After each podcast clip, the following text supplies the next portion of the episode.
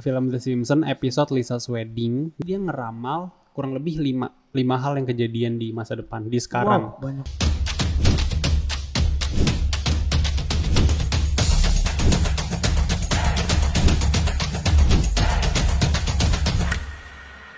Hai guys, welcome back to Cia Podcast, podcast Gudang Cerita. Jadi kemarin kita udah kebanyakan horor nih yang sama Kazama Hussein, terus yang kita bertiga, dan kita hari ini pengen balik lagi ke teori-teori kita kayak biasanya. Iya dong. Aduh maaf, botol gue jatuh. Nah jadi hari ini siapa dulu nih yang Kayak ada dulu lah, dia harus dibuka dengan hostnya lah. Oke guys, maaf ganggu sebelum mulai ke podcast. Jadi gue mau ngumumin kalau kita ada giveaway. Nah, cara ikutannya adalah kalian subscribe ke channel baru kita. Kalian bisa tap di sini atau nanti ada di description. Kalian like, komen, pokoknya spam notif sebanyak-banyaknya. Terus itu kalian ke posan giveaway kita di Instagram dan kalian komen bagian mana dari video mana yang kalian suka. Contohnya ini bakal muncul di sini. Dan simpelnya kalian cek aja detailnya di Instagram kita, linknya di description. Oke, balik ke podcast. Bye.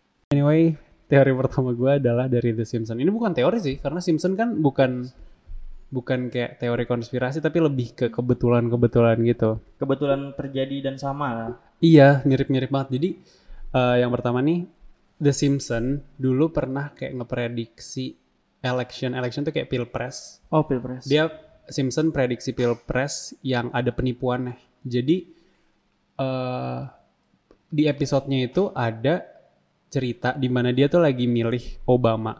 Tapi pas dia jadi kan pertama kali pakai digital gitu. Hmm. Dia milih yang Obama di tab gitu touchscreen, tapi yang kepencet malah sebelahnya. Hmm. Kayak pencet pencet pencet nggak bisa. Pas dia sadar dia mau lari dimakan gitu mesinnya. Kayak aneh gitu kan. Terus beberapa tahun kemudian kalau nggak salah 4 tahun kemudian gak lama itu Obama ada lawannya juga dan kalau nggak salah di Pennsylvania di salah satu state di Amerika itu ada mesin yang kayak gitu kejadian sama gitu Persis. dan sama-sama Obama juga pas Obamanya dipencet malah otomatis ke lawannya gitu Tapi yang pas di Simpson gambarnya Obama beneran. bener-bener Barack Obama Barack Obama lawan lawannya Wow. beda tapi lawannya, Lawannya beda. beda. tapi. Wah, gokil sih. Tapi di Simpson tuh bener-bener dia memprediksi atau sembarang aja sih menurutku kayaknya Menurut- ada ada ini deh. nggak tahu sih Ada ada hal di balik itu deh. Karena beberapa ceritanya bener-bener kalau gue pribadi gue mikirnya itu kebetulan Nah, iya kan? sebenarnya kebetulan tapi yang bikin aneh tuh kenapa sebanyak itu Dan ham oh ngerti. kenapa Jadi sampai kan? sebanyak itu yang yang Ah. mirip gitu Donald Trump COVID COVID nggak terlalu mirip lah tapi kayak yang Obama nih mirip banget sama eh ada ada ada lagi sebenarnya gue udah cerita empat nih yang kedua lagi ada waktu itu salah satu karakter sih ini jatuhnya bukan episode Karakter di Simpson. di Simpson. Oh, di Simpson. itu tuh kayak ikan ikan matanya tiga nah pas pertama muncul itu di 1990-an kalau nggak salah di 1990-an dan mereka pada bilang kayak itu tuh karena polusi, polusi limbah dan lain-lain gitu kan. Terus ada satu profesor yang kayak enggak ini bukan gara-gara polusi ini cuman kayak evolusi. Oh, Jadi ini di Simpsonnya nih. si, di Oh, Simpson dia Simpson. bilang kayak ini bukan polusi tapi ini evolusi. Jadi kayak dia bilang oh ini bukan masalah segala macam ini itu. Terus dia disuruh makan, dia udah makan nih ikan yang mata tiga. Terus dia kayak nggak mau gitu, dia kayak nolak. Terus 21 tahun kemudian kalau nggak salah, se- 2011 di Argentina itu ada ketemu ikan yang matanya tiga. Nanti muncul fotonya. Kayak bener-bener matanya tiga, satu, dua, tengah mirip. Mirip gitu dan bentuk badannya nggak beda jauh, ukurannya juga nggak beda jauh. Dan Wah, kemungkinan yang di Argentina tuh ya dari kayaknya polusi-polusian gitu juga sih. Nah, aneh-anehnya gitu di Simpson tuh Mm-mm, mirip banget. banyak banget tahu dia tuh. Tapi mungkin kayak jatuhnya bukan ini sih, jatuhnya bukan kayak meramal tapi lebih ke yang kayak ini kan kita banyak polusi jadi kita masukin cerita ini dan Hmm, akhirnya kejadian gitu kan. Berdasarkan satu hal ya. Ha-ha, jadi sebenarnya hal-halnya kelihatan gila tapi pas sebenarnya tuh nyata-nyata amat nggak kayak Doraemon yang kayak bener-bener gila gitu kan. Hmm, speku- semua spekulasi biasa gitu doang kan. Iya sebenarnya gitu tapi di, di, dilebih-lebihkan aja di sini. soalnya kan pasti banyak yang bilang, ah itu mah dicocokologi, dicocok-cocokin gitu. orang beneran. Ah, ah. jadi kayak keren aja gitu maksudnya eh, dasar cerita mereka dari mana. Dan terus aku ada sih, ini aku ada eh, teori, teori dari Phineas and Ferb. Kayaknya nonton Phineas and Ferb gak? Tahu tahu tapi lupa. Ah, nah sebelum masuk ke teorinya, aku ceritain sedikit dulu karena ini ada hubungannya dengan teorinya nanti. Eh, Jadi kalau yang kalau yang eksperimen di backyard itu siapa? iya itu Ini Phineas kan. Phineas and Iya, Ferb, iya. Jadi Phineas and Ferb itu suka ngelakuin eksperimen gila. Kalau buat buat kalian yang nggak tahu nih, eksperimen gila. Tapi nggak pernah ketahuan Nah, sama tapi nggak pernah ketahuan sama mamanya dan yang pernah sesekali tahu itu cuma si Candice, kakaknya. Tahu Iya kan? kakaknya cewek? kakaknya marah mulu kan. Ah, kakaknya marah-marahin dia mulu kayak berantakan segala macem. Tapi ketika kakaknya mau ngadu ke mamanya, selalu nggak berhasil. Selalu kan? hilang. Ah, jadi kakaknya tuh bisa ngelihat tapi mamanya tuh nggak pernah bisa ngelihat. Nah, teorinya adalah semua yang terjadi itu halusinasi Kakaknya. Candice. Iya.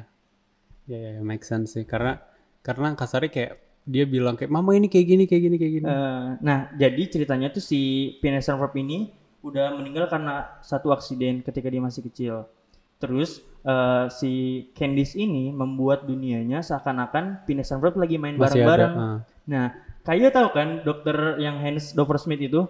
Nah, dia Aha, itu aha. psikolognya Candice. Makanya seakan-akan profesor ini mau ngancurin si Candice. Padahal profesor ini tuh Mau mau, narik dia ke dunia nyata. Jadi seakan-akan tuh itu tuh mau ngancurin padahal dia mau narik kembali ke dunia nyatanya. Itu menjelaskan kenapa Candice doang yang bisa Yang melihat bisa dunianya. Phineas and Ferb. Ya karena kan kasarnya kayak kayak jadi goib gitu. Iya kan? Ya Jadi kayak tiba-tiba hilang nggak- kan? nggak pernah ada yang lihat padahal bikin roller coaster gede segala macem roket ya kan. Iya kayak eh, es eh, Ya. gunung es gitu-gitu aneh deh. Iya bener sih. Anehnya bisa nggak sih. ketahuan. Itu make sense banget sih menurut aku. Ah, ah, ah. Menjelaskan banget. Terus gue ada Simpson lagi nih satu, Oh, tapi ini rada-rada, aduh jangan deh ini takut takutnya politis. Jadi gue yang lompat aja satu lagi.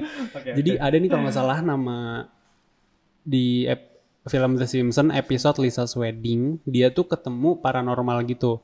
Nah ini dia ngeramal kurang lebih lima lima hal yang kejadian di masa depan di sekarang. Wow, banyak. Kalau nggak salah, jadi dia dia gue nggak tahu ini rilisnya tahun berapa gue lupa. Dia itu ketemu paranormal dan dia pengen ngelihat masa depannya. Dia cabut ke 2010. Ini kan 19 something. Oh dia kan. paranormal nih si paranormalnya. Iya, si Oh, si namanya Lisa ketemu Lisa. ketemu paranormal, dia cabut ke 2010 di tanggal-tanggal di mana dia mau nikah. Nah, terus pas cabut ke 2010 ada scene di mana dia lagi naik pesawat di London gitu, kan ada Big Big Ben tau kan? Big Ben tahu. Yang jam gede. Jam gede. Terus iya. di belakangnya tuh ada ada kayak siluet gedung, gedung tertinggi, eh gedung apa namanya? Kayak gedung pencakar langit, stand out sendiri gitu. Ternyata 10 tahun kemudian kalau salah tahun 2012 deh. Iya, tahun 2012. Gedung itu beneran dibuat? Iya, beneran dibuat namanya The Shard. Itu jadi gedung tertinggi di Inggris, di London. Wow. Terus yang kedua, eh jadi si calon suaminya si Lisa ini pakai jam. Nah jamnya itu kayak smartwatch gitu. Oh. Sama dia ada fit, dia nge-fit call gitu. Dia ada fit callan, pakai kayak laptop, skype skypean gitu. Dan sempat dijelasin juga kalau orang tua tuh kayak nggak ngerti. Nah jadi kayak dia meramal yang si gedung pencakar langit, ngeramal smartphone, smartwatch, ngeramal fit call gitu-gitu. Dan dia juga kayak ngeramal konsernya apa sih? Gue lupa namanya. Konser apa Konsernya Rolling Stones. Oh, sama Rolling tapi Stones tapi kita, kita kurang tahu. Terus sama ada kayak dia ngeramal robot-robot kayak library apa namanya? Perpustakaan, Perpustakaan. pakai robot. Nah, terus muncul juga di tahun 2011 2012-an gitu. Jadi kayak, Itu kayak yang membuat tepat gua aneh banget gitu lah, tepat banget gitu ramalannya. Itu yang membuat aneh sama The Simpsons tuh. Aneh banget jujur. Apa yang membuat apa yang menjadi dasar mereka menulis gitu loh. Kalau misalnya yang polisi tadi kan masih logis kan. Asal, oh polisi ini bisa menyebabkan ini segala macam. Hmm. Ah, Tapi ah, kalau berspekulasi kayak gitu itu yang mustahil. gedung itu loh. Itu yang mustahil gedung. banget atas da- eh, atas dasar suatu hal kan. Kecuali dia kayak emang udah kenal sama orang-orang yang bakal bikin gedung Nah. ya kan. Kalau itu baru make sense banget bisa tuh. eh, iya benar sih. Nah, aku ada ada cerita lagi nih. Ini jujur ini salah satu kartun yang paling aku suka ketika aku kecil. Apa? Aku sempat nyari boneka ini sampai ke pasar nangis-nangis. Serius, ini tuh kartun Finding Nemo. Oh Nemo. Nemo, pasti tahu lah siapa pun nggak tahu Nemo. Apalagi yang biru siapa namanya lupa aku yang biru. Dory. Oh ya Dory yang terkenal si Dory. Jadi ini nggak ada hubungan sama sekali dengan Dory. Jadi Finding Nemo itu sebenarnya nggak ada. Si Nemonya. Nemonya sebenarnya nggak ada. Ceritanya, kalau Kayo sadar di opening itu, ketika Marlin sama istrinya, itu tuh kan kayak baru lahiran, dia ng- ngelihat anaknya tuh banyak banget. Telurnya Terus, itu kan. Iya, telurnya banyak banget. Nah, dia tuh diserang sama Yang predator kayak hiu gitu. Barakuda. Nah, barakuda. Nah, dia kelempar, si Marlin kelempar, pingsan kan. Ah. Nah, ternyata si istrinya dan semua anaknya itu udah dimakan sama barakuda itu. Yang tersisa cuma Marlin. Karena dia depresi, dia kayak berhayal bahwa masih ada satu telur yang tersisa karena nggak logis tiba-tiba ada telurnya tuh jatuh Sisa di tanah gitu, gitu ya. iya Nah. di tanah gitu padahal kan kalau telur Nemo gitu di atas gitu. Nah dia tuh di bawah di pasir gitu. Akhirnya dia dia ambil ditaruh kayak yang rumput-rumput laut gitu. Ah, nah nah. Anemon. anemon ya anemon itu. Jadi dia tuh berhayal bahwa ada satu satu telur yang tersisa padahal udah udah dimakan semua. Nah si Marlin ini sendiri kan itu yang menjelaskan kenapa mama Nemo tuh nggak ada dan Nemo tuh cuman sendiri. Dan Nemo di bahasa Latin itu artinya nabadi. Iya, nothing. Nggak ada. Gue gue sempat gue sempat lihat teorinya. iya jadi kayak Jadi katanya itu eh, melambangkan lima lima level of grief. Grief itu kayak berduka gitu. oh berduka Jadi dari yang kayak merasa kehilangan, terus mulai mencari dan lain-lain. Gue gue lupa sih. Hmm, Jadi iya, kayak iya, iya. eh, film Nemo itu melambangkan oh sebenarnya kehilangan, tapi dia mengimaji- mengimajinasikan kalau masih punya Nemo, terus kayak kehilangan segala macam bla bla gitu. Iya, padahal Nemo tuh sebenarnya ya udah nggak ada.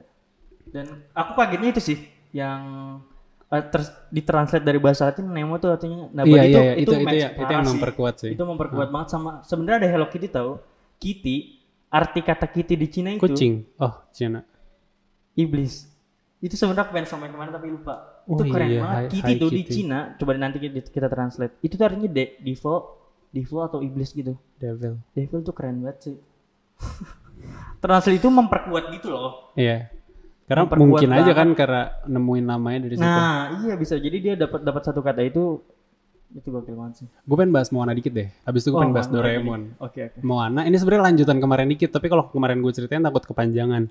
Jadi kan kalau dari teori kemarin, papanya Moana adalah Maui Mau kan, iya. dan mamahnya ya, ya si Sina itu. Nah jadi ada teori di mitologi sana, kalau si babi kan Moana punya yang teman babi Kecil, itu kan kecil yang pelihara. kan. Iya, Ah. ada teori kalau si babi ini adalah adanya Moana. Jadi eh, berdasarkan teori sana harusnya nama babi ini Pua. Nama babi ini Pua. Pua. Nah, di mitologi sana si Maui dan Sina punya anak namanya Kamapuaa kalau nggak salah. Kamapuaa dan itu Sina, Sina punya anak. Sina dan Maui punya anak namanya Kamapuaa. Dan Pua itu nama babinya. Dan makanya dia kayak deket banget gitu. Sama Sama. Ha-ha. jadi kayak gitu. Tapi ini ini singkat doang sih. Nanti gue pengen bahas tapi tentang tapi itu masuk kok. Maksudnya masuk akal dan Iya, bisa iya, diterima. iya, iya, iya. Enggak. Tapi ini yang ini sih gue ngerasa bukan konspirasi ya lebih ke kayak eh deeper meaning aja sih. Bukan yang kayak Makna konspirasi. hidden meaning Ha, ha, gitu. Makna yang kita tersembunyi gitu kan. Iya. Apa nih lo ada cerita aku lagi? nih? ada ini eh, lanjutan Tom and Jerry sih. Kemarin Kenapa? kayak, kayak Tom and Jerry itu. Hah. Kayak kemarin kan kita ngebahas kalau Tom and Jerry itu sebenarnya eh, kayak tentara dan segala macam.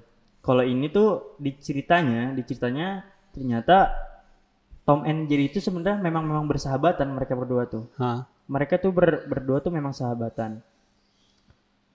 Fakta yang memperkuat adalah mereka tuh sering banget berbagi makanan ketika mendapatkan dari kulkas. Jadi Jerry itu, eh sorry, tapi jadi Tom itu berpura-pura mau ngebunuh Jerry Ah. supaya majikannya nggak nggak ngeganti si Jerry ini, nggak ngeganti si Tom ini. Dengan kucing lain. Betul. Oh kalau diganti sama kucing lain dibunuh dia bunuh beneran. beneran. Nah, makanya dia Oh, pura-pura iya, kayak iya, ben- kayak pura-pura mau ngebunuh, Iya, kayak pura-pura ngejar-ngejar supaya dia tuh nggak diganti sama Iya, iya. majikannya. Orang dia Padahal- sering kayak main bareng gitu, gitu nah, kan. yang kayak waktu itu juga sedih bareng. Dia pernah berbagi makanan kalau dapat dari kulkas, hah. pacaran bareng. Itu kan sebenarnya Iya, mereka iya. tuh bersahabat gitu. Enggak. Cuman jadinya memang sih. baik sih. Masuk sih orang-orang orang gak pernah dibunuh juga dan berkali-kali ketangkep. Tapi nggak pernah dibunuh beneran. Iya, Ah, ha.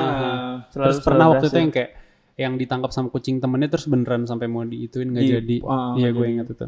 Jadi memang itu bersahabat. Ada sih. lagi nggak lu tentang Udah sih, udah sih. film? Oh udah. Udah, udah, udah. Gue ada tentang ini sih Doraemon. Jadi fun fact Doraemon tuh film eh kartun yang paling gue suka pas kecil. Jadi ini ini bukan konspirasi ini lebih ke fun fact. Lu tau gak sih kalau Doraemon tuh sebenarnya punya kuping? Dia tuh musang kan? Kucing dodol. Dia tuh musang. Kucing. musang atau kucing? Dia kucing. Musang. Kucing. Oh, ya, kenapa? Dia Masuk kucing. ke teori, masuk teori. Dia kucing. Terus waktu itu dia punya pacar, gue lupa namanya. Punya pacar warna pink terus kayak Oh ting- iya. tinggi, tahu, bukan yang tahu. kecil tapi kayak tinggi segala macem. Terus one day dia tuh tadinya warna kuning juga.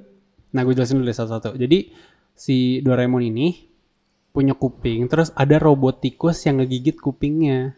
Gigit kupingnya kayak Makanya dia trauma sama tikus. makanya dia takut banget sama tikus dan karena kupingnya Oh. diituin jadi dioperasi terus dihilangin beneran kan nah semenjak itu si pacarnya kalau nggak salah jadi nggak suka jadi nggak suka sama dia kira putus jadi dia punya pacar dan punya kuping tapi putus dan hilang kupingnya karena tikus makanya dia jadi trauma sama tikus itu Oh iya. itu cerita kenapa Doraemon takut sama tikus Iya, pa- padahal seharusnya kalau dia kucing itu kan memang makannya kesukaan dia. makan tikus segala Iya. macam kan jadi kayak ya itulah kenapa Doraemon Tapi takut sama tikus sih. Aku yakin Doraemon itu musang.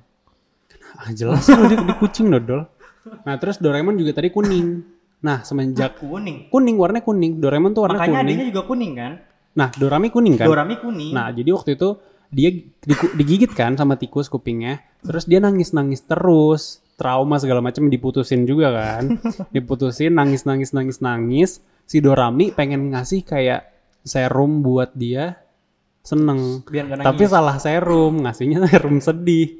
Bego ya. Hmm. Nah, terus akhirnya dia makin sedih, makin sedih, makin sedih. Dia jadi warna biru. Gitu, karena kan biru warna kesedihan kayak sadness di Inside Out. Oh, biru jadi melambangkan kesedihan. Iya, Ah. jadi dia berubah jadi biru. Sebenarnya banyak sih. Lanjut gak Doraemon? Udah lanjut lanjut lanjut. Lanjut ya. Banyak Doraemon. Banyak ceritanya. Terus Doraemon tuh sebenarnya dia tuh sekolah. Dia tuh sekolah namanya di apa ya tadi? Robot. Ih, ya robot Tegako. Kok tahu Mas Riki? Jadi artinya sebenarnya ro- sekolah robot sih kalau nggak salah. Terus dia prestasinya tuh kurang bagus di sekolah. Jadi dia masuk ke robot kelas 2. Terus karena masuk robot kelas 2 nggak ada yang mau nerima dia. Sebenarnya sedih juga ceritanya. Sampai akhirnya ada si Sewashi kalau nggak salah namanya adik an, cucunya Nobita. Gue lupa namanya. Pokoknya cucunya Nobita ngambil dia buat ngerawat keluarganya dan akhirnya dikirim ke masa lalunya buat kakeknya. Kakeknya itu Oh, Nobita. itu di masa depan. Iya.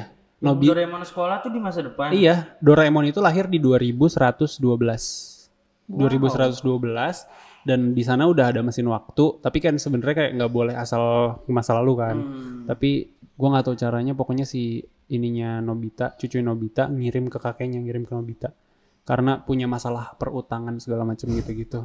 Nobita, keluarga Nobitanya. Jadi biar Nobita jadi orang yang lebih baik Jadi terus Do- Do- jadi lebih sejahtera. Doraemon sama kayak Nobita juga ya? Dia Bego. prestasi iya, prestasi Iya, kelas tapi nggak kurang. juga lah Doraemon lebih pinter lah. Lebih cerdas lah ya. Memang seharusnya gitu kan, memang dia tujuannya untuk menolong Terus Nobita. terakhir ya, terakhir fun fact tentang Doraemon. Dia kan tangannya bulat kan, kayak bola. Oh iya. Nah, teorinya bukan teorinya sih, ini fun fact dibaliknya. Eh tangannya itu tuh kayak vakum. Kuat banget gitu loh. Vakumnya kayak misalnya Nyedot gitu. Iya nyedot gitu misalnya dia ngambil laptop ya bisa dipegang gitu kan. Karena kan dia nggak bisa megang pakai jari segala Oh. macam kan. Tapi pokoknya pilihannya antara vakum atau gravitasi kecil. Jadi tangannya tuh kayak bumi, dia punya dia bisa meng- karena kan dia Nempel. bukan bukan cuma besi doang kan, bukan Iya, magnet. iya. Kalau magnet nggak masuk akal dan ngerusak juga kan. Dia bisa megang plastik segala macem. Tapi gue lebih Vakum sih. vakum Karena lebih, dia satu lebih robot make juga sense. kan. Iya, Iya, dia robot karena kan gravitasi susah dibikin ya kan. Tapi Ah. vakum jauh lebih make sense. Itu sih. Tapi menurut lo ada nggak nanti Doraemon 2112? Itu 100 tahun lagi anjir, 90 tahun lagi, 91. Pasti yang eh mungkin akan ada teknologi semacam itu tapi tidak berbentuk Doraemon. Hmm, Aku tapi gua tapi bentuk yakin lain. tapi gua yakin banyak banget hal yang gak jadi juga. Contohnya kayak mesin waktu. Itu gua nggak percaya. Tapi aku yakin 100% bahwa sekarang ada yang meneliti bagaimana cara membuat mesin waktu. Hmm, ada tapi nggak bukan instansi besar. Karena mereka tahu itu sangat Mustahil. sangat mustahil. Betul. Tapi masa nggak ada kemungkinan sih menurutku ada sih. Mesin waktu tuh lu harus lebih cepat dari kecepatan cahaya which is kayak 300 ribu kilometer per detik. Lu bayangin lu kena satu partikel atom aja udah kayak ketembak. Kayak kalau mesin waktu tuh kayak kita jadi kecil gitu kan? Iya sih? enggak, enggak.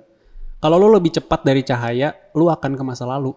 Ngerti nggak? Hmm. Kalau pergerakan lu lebih cepat dari cahaya, lu akan ke masa lalu. That's why kalau lu bisa stay berapa tahun di Pluto gitu ya, itu lu umurnya bakal beda sama di sini. Cuma sekarang oh iya karena be- iya, beda Karena kecepatan waktu juga. gravitasinya, gravitasi juga ngaruh tau gue. Udah nggak usah jadi sains lah ya. Kita mau lanjut ke apa nih? Tapi eh, masih ngomongin teknologi nih, kayak tadi kayak bilang ke depan atau gimana. Tapi aku sempat ada ketakutan bahwa manusia ke depannya akan tidak punya pekerjaan. Karena semua pekerjaan Diambil, keras akan iya, diganti oleh sense. robot. Bukan pekerja keras sih. pe- eh bener bener. Benar, pekerjaan keras itu diganti sama robot. Jadi Iya, yang benar-benar. mereka-mereka yang punya pekerjaan atau keahlian di bidang sains, di bidang teknologi yang AI apalagi. Bahkan dokter mereka- pun bisa digantikan Nah, one ya day. kan? Makanya dulu aku pernah, aduh, gua ntar kerja gimana ya masa depan ya? Kalau ada editor otomatis sih dadah. Jadi gue tuh pas kecil sering banget kayak searching-searching gitu kan, kayak hal-hal teraneh, hal terbesar, hal, ter, hal termahal gitu-gitu kan. Nah sekarang gue tuh inget hal-hal yang teraneh yang pernah gue searching dulu. Pas masih kecil. Ah, ah. jadi kemarin gue nyari-nyari lagi kayak gue nginget-ngingetin fakta-fakta gitu. Salah satu yang paling aneh tuh ini ada ada satu orang eh satu orang ada dua orang kembar yang dia tuh nggak pernah ketemu seumur hidup tapi hidupnya tuh ternyata sama persis. Oh, Jadi. Eh, mereka tuh kalau nggak salah terpisah di Ohio. Ohio tuh kayak nama kota di sana gitu. Jepang. Sih. Ohio, Oh. Ohio gozaimasu maksudnya. Oh, iya, Ohio, Ohio, iya, iya. Cleveland gitu dah. Pokoknya Betul, salah satu state di Amerika. Nah jadi dia tuh gue nggak tahu orang tuanya meninggal atau gimana. Pokoknya mereka dari lahir terpisah, terpisah dan diadopsi sama dua orang Beda tua orang baru. tua. Tapi pisah gitu kan, tapi kembar. Nah pokoknya singkat cerita mereka nggak pernah ketemu sampai sekitar 40 tahunan kemudian. Pas ketemu mereka kayak, ih kita mirip ya. Terus kayak nama lu siapa? Nama gue Jim. Terus ditanya nama lu siapa? Nama gue Jim juga. Jadi dua-duanya ini nama, namanya sama-sama Jim. Padahal yang ngasih nama tuh orang tua yang baru kan. Yang bukan yang mengadopsi kan. Iya, Yang bukan yang mereka kan. uh-uh, bukan yang tahu kalau mereka kembar gitu kan. Terus awalnya ketawa-tawa lama-lama makin sadar kalau loh kok kita mirip banget. Jadi nih gue ceritain kesamaan-kesamaannya. Mereka itu sama-sama pernah nikah dua kali. Yang pertama nama istrinya tuh Linda, sama-sama Linda. Yang kedua nama istrinya sama-sama Betty. Terus mereka sebenarnya tinggalnya cuma 45 mile, sekitar 90 80 km mungkin, 70 km gue nggak tahu. Itu jauh dong saudara-saudara. Tapi satu kota, Oh, satu masih sama-sama satu kota gitu kan. Terus dia punya anjing, mereka berdua sama-sama punya anjing dan namanya Toy. Mereka sama-sama suka minum bir, mereka sama-sama suka ngerokok, dan sama-sama nyetir mobil Chevrolet. What? Dan mereka sama-sama sheriff, tapi beda beda distrik gitu.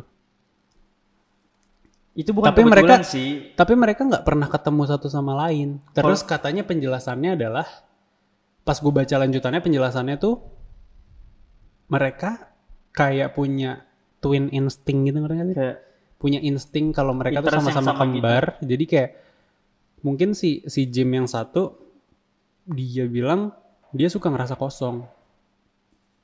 Mungkin karena kayak gue punya kembaran tapi kok nggak ada. Tapi kayak deep down dia tahu dia punya kembaran. Mungkin kayak gitu. interestnya juga sama mungkin sih karena mereka Iya interestnya sama. segala macam sama. Tapi yang aneh tuh namanya sama, Nah, nama sih. istri pertama sama, istri kedua sama, Ini anjingnya sama, mobilnya sama. Nyata, nyata. Cari aja di Google. Gua nggak ngarang. Terus yang kedua ada lagi nih. Ini ini gue juga baca dari dulu sih. Jadi ada satu orang yang dia tuh sebenarnya awalnya biasa tapi jadi jenius matematika karena dipukul. Iya. Jadi ceritanya jadi kalau kalian pengen pintar matematika minta dulu. minta ditabok ya. Jadi awalnya dia tuh cuma suka kayak mabok-mabokan terus workout sama party-party gitulah. Ya, Pokoknya muda party lah, party-party dan cuma workout which is biasanya orang-orang yang suka ma- matematika nggak suka kayak gitu Iya. biasanya. suka menyendiri. Nah terus tanggalnya gue nggak tahu salah atau benar. Ini Friday the 13th. Jadi di di Amerika tuh suka banyak yang kayak fobia segala macem kalau ada tanggal 13 13 di hari Jumat gitu. Jadi kan 13 angka sial dan Angka Jumat sial. tuh kayak ya Jumat gitu kan. Hari besar gitu. Nah dia ini kalau salah 13 hari Jumat Desember 2002 dia tuh kayak dikeroyok gitu pas abis dari party kalau nggak salah kayak dipukulin sampai dia kayak dia dia bilang dia ngeliat satu flash putih abis itu dia kayak kurang sadar dibawa ke rumah sakit dan dia ngeliatnya kurang sadar gitu kan ngeliatnya kurang Setengah jelas sadar gitu. Ha-ha, tapi pas dia nyampe rumah, dia ngeliat kayak kok ini semua kayak ada ben- dia ngeliat ini spiral nih, kayak ada Rumus. grafiknya, bukan rumus, grafiknya gitu ngerti gak sih? Jadi lu pernah ngeliat eh, bola tapi digambar make grafik nggak? oh, tahu tahu tahu tahu. Kan Iya, kalau misalnya x sama dengan y kayak gini doang, Gini. terus kalau misalnya x Diagram. kuadrat plus y kuadrat sama dengan r kuadrat jadi lingkaran gitu kan. Hmm. Lu kurang paham ya? enggak enggak. Tapi kalau misalnya dibikin itu, jadi ada kayak rumus-rumusnya gitu, terus dia bingung-bingung-bingung, sampai dia ketemu salah satu expert. Dia bilang kayak, MTK ini expert MTK gitu. kalau salah fisika deh, Oh, fisika. fisika. Gue lupa expert something di science juga. Singkat cerita dia bilang kayak, lu coba aja kelas matematika. Ternyata bener pas dia masuk matematika, toto jadi jadi super gitu di sana. Jadi kayak Wow. salah satu yang pinter banget gitu. Lulusan Dan terbaik semua- gitu loh. Gua nggak tahu kalau itunya. Cuma intinya dia jadi gampang banget mencerna semuanya. Tapi ini tuh yang menceritakan dia. Ini sempat viral di berita-berita sana. Dan dia sampai Wow. dipanggil ke sana sini. Ter- terus ditanya, dia diajak jalan kan sama reporter gitu. Dia bilang, "Yang lu lihat apa sekarang?" Dia bilang kayak, "Gua ngelihat ini pohon ada kayak spiralnya, terus batangnya tuh kayak gitu-gitulah." Jangan-jangan itu penyakit. Ada Gua nggak tahu. itu Oh iya, jadi kata si Itu expert bisa penyakit itu bukan penyakit. Jadi di otak kita mungkin ada something yang akademik gitu. Dan kita tuh nggak punya akses ke situ secara sadar. Tapi bisa itu bisa diakses dengan cara tidak sadar. Nah karena dipukul dia jadi bisa mengakses itu secara sadar. Contohnya kita ngerakin ini sadar kan. Tapi kita ngepompa jantung otomatis. Secara nah kalau sadar. misalnya kita secara sadar pompa jantung, seorang mati karena kita harus pompa jantung terus kan. Lupa mati gitu. Nah dia bisa akses memorinya dia. Something pokoknya bukan memori. Dia bisa mengakses eh, bagian di otak dia yang pokoknya ngurusin matematika, something science gitu-gitu sih. Berarti buat kalian yang mau pinter bisa Minta tolong- dipukul aja. Iya, bisa minta tolong pukul temen ya. Tapi itu menarik sih maksudku. Dan itu nyata, anehnya itu nyata. Nah, itu nyata juga kan. Anehnya anehnya apakah ada gitu kejadian soalnya menurutku kalau misalnya benar-benar ada yang kayak akademis di otak itu banyak juga kejadian di negara-negara lain dong seharusnya entah dia habis jatuh atau apa gitu. Dan kalau ada ada gue Nah, pernah kan? dengar dia dia lagi nonton baseball kena kan baseball tuh swingnya kenceng banget kan Hmm. dia kena bolanya ada tapi gue gue kurang tahu detailnya Nah, nanti ya, kapan-kapan misalnya dibahas lagi menurutku kalau misalnya ada, ada juga di negara Nggak lain. cuma satu Nah, itu valid iya. sih, berarti valid juga. Kalau kalau aku udah fakta menarik di kartun sih. Ini kartun masa kecil. Aku nggak tahu orang-orang Indonesia banyak tahu ini atau enggak. Seharusnya sih banyak yang tahu sih. Ah. Karena kartun ini sempat terkenal di tahun 2013.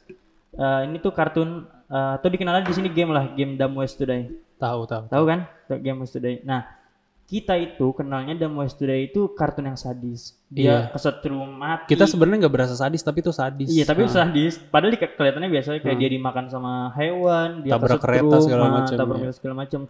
Tapi ternyata tujuan pembuatan kartun itu sebenarnya untuk edukasi tau. edukasi apa edukasi kayak gitu Yes. edukasi Jadi, apa beneran. Jadi eh, si ini tuh dibuat 2011. Hah. Kalau nggak salah tuh di Australia. Jadi tujuan utama dia adalah jadi ini tuh sekalian iklan masyarakat juga.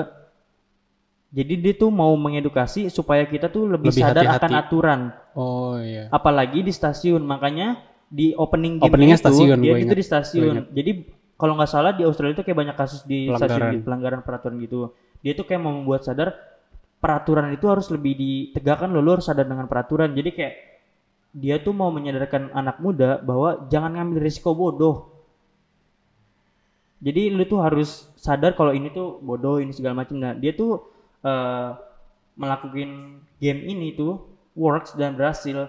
Di tahun 2011 kalau di awal pembuatannya itu dia bisa dapat 50 juta dolar. Di wadaw. 22 negara. Gamenya ya gamenya. Di 22 negara. Di 2013 dia menguasain 83 negara. Game dia itu menjadi nomor urutan paling pertama makanya masuk juga ke Indonesia dan dia bilang dia cukup berhasil untuk eh, membuat game ini dan kartun ini kalau mau jujur itu nggak lulus sensor tau Se- Iya seharusnya sih, ya Iya sih. Dan dan kayaknya tidak seberhasil itu. Kayak kita nangkepnya apa coba game itu sekarang? seru aja Seru aja kan kayak Hmm. sadis kayak lucu-lucuan segala macam. Tapi ternyata eh, di sana tuh berhasil untuk mengedukasi orang-orang bahwa peraturan itu penting, kita harus sadar peraturan dan gak boleh mengambil resiko bodoh. Tujuan dia milenial. juga ya. Iya. Dengan cara yang lain dia mengedukasi tapi dengan cara yang lain juga sih. ini juga ada cerita tapi lebih ke bisnis sih pasti semua orang tahu Angry Bird kan nah dia tuh pokoknya kreatornya Angry Bird itu kalau nggak salah dua orang nah dia tuh gagal terus terus terus terus terus Ngebuat dan- game. iya Oh, ah, iya. dan bahkan pas mau bikin Angry Bird dia kayak hampir nggak dirilis seingat gue Oh. karena kayak ah, ini paling gagal gitu tapi ternyata sekarang ada gamenya ada filmnya Kartunnya, juga kartunnya segala juga. macem dan kayak ya nanti kalau lo mau sukses jangan pernah stop trying Iya, karena banyak yang, yang orang sukses juga kan rata-rata gagalnya itu berkali-kali. Kayak Iya. resep KFC ditolak iya ratusan gue juga langsung mikir KFC Terus Jack Ma juga J.K. Rowling tau gak Ih, sih Harry Potter gitu. Lanjut, ah, yang Harry lanjut. Potter penulis Harry Potter. Iya Ah. J.K. Rowling dia lanjut. ditolak berapa kali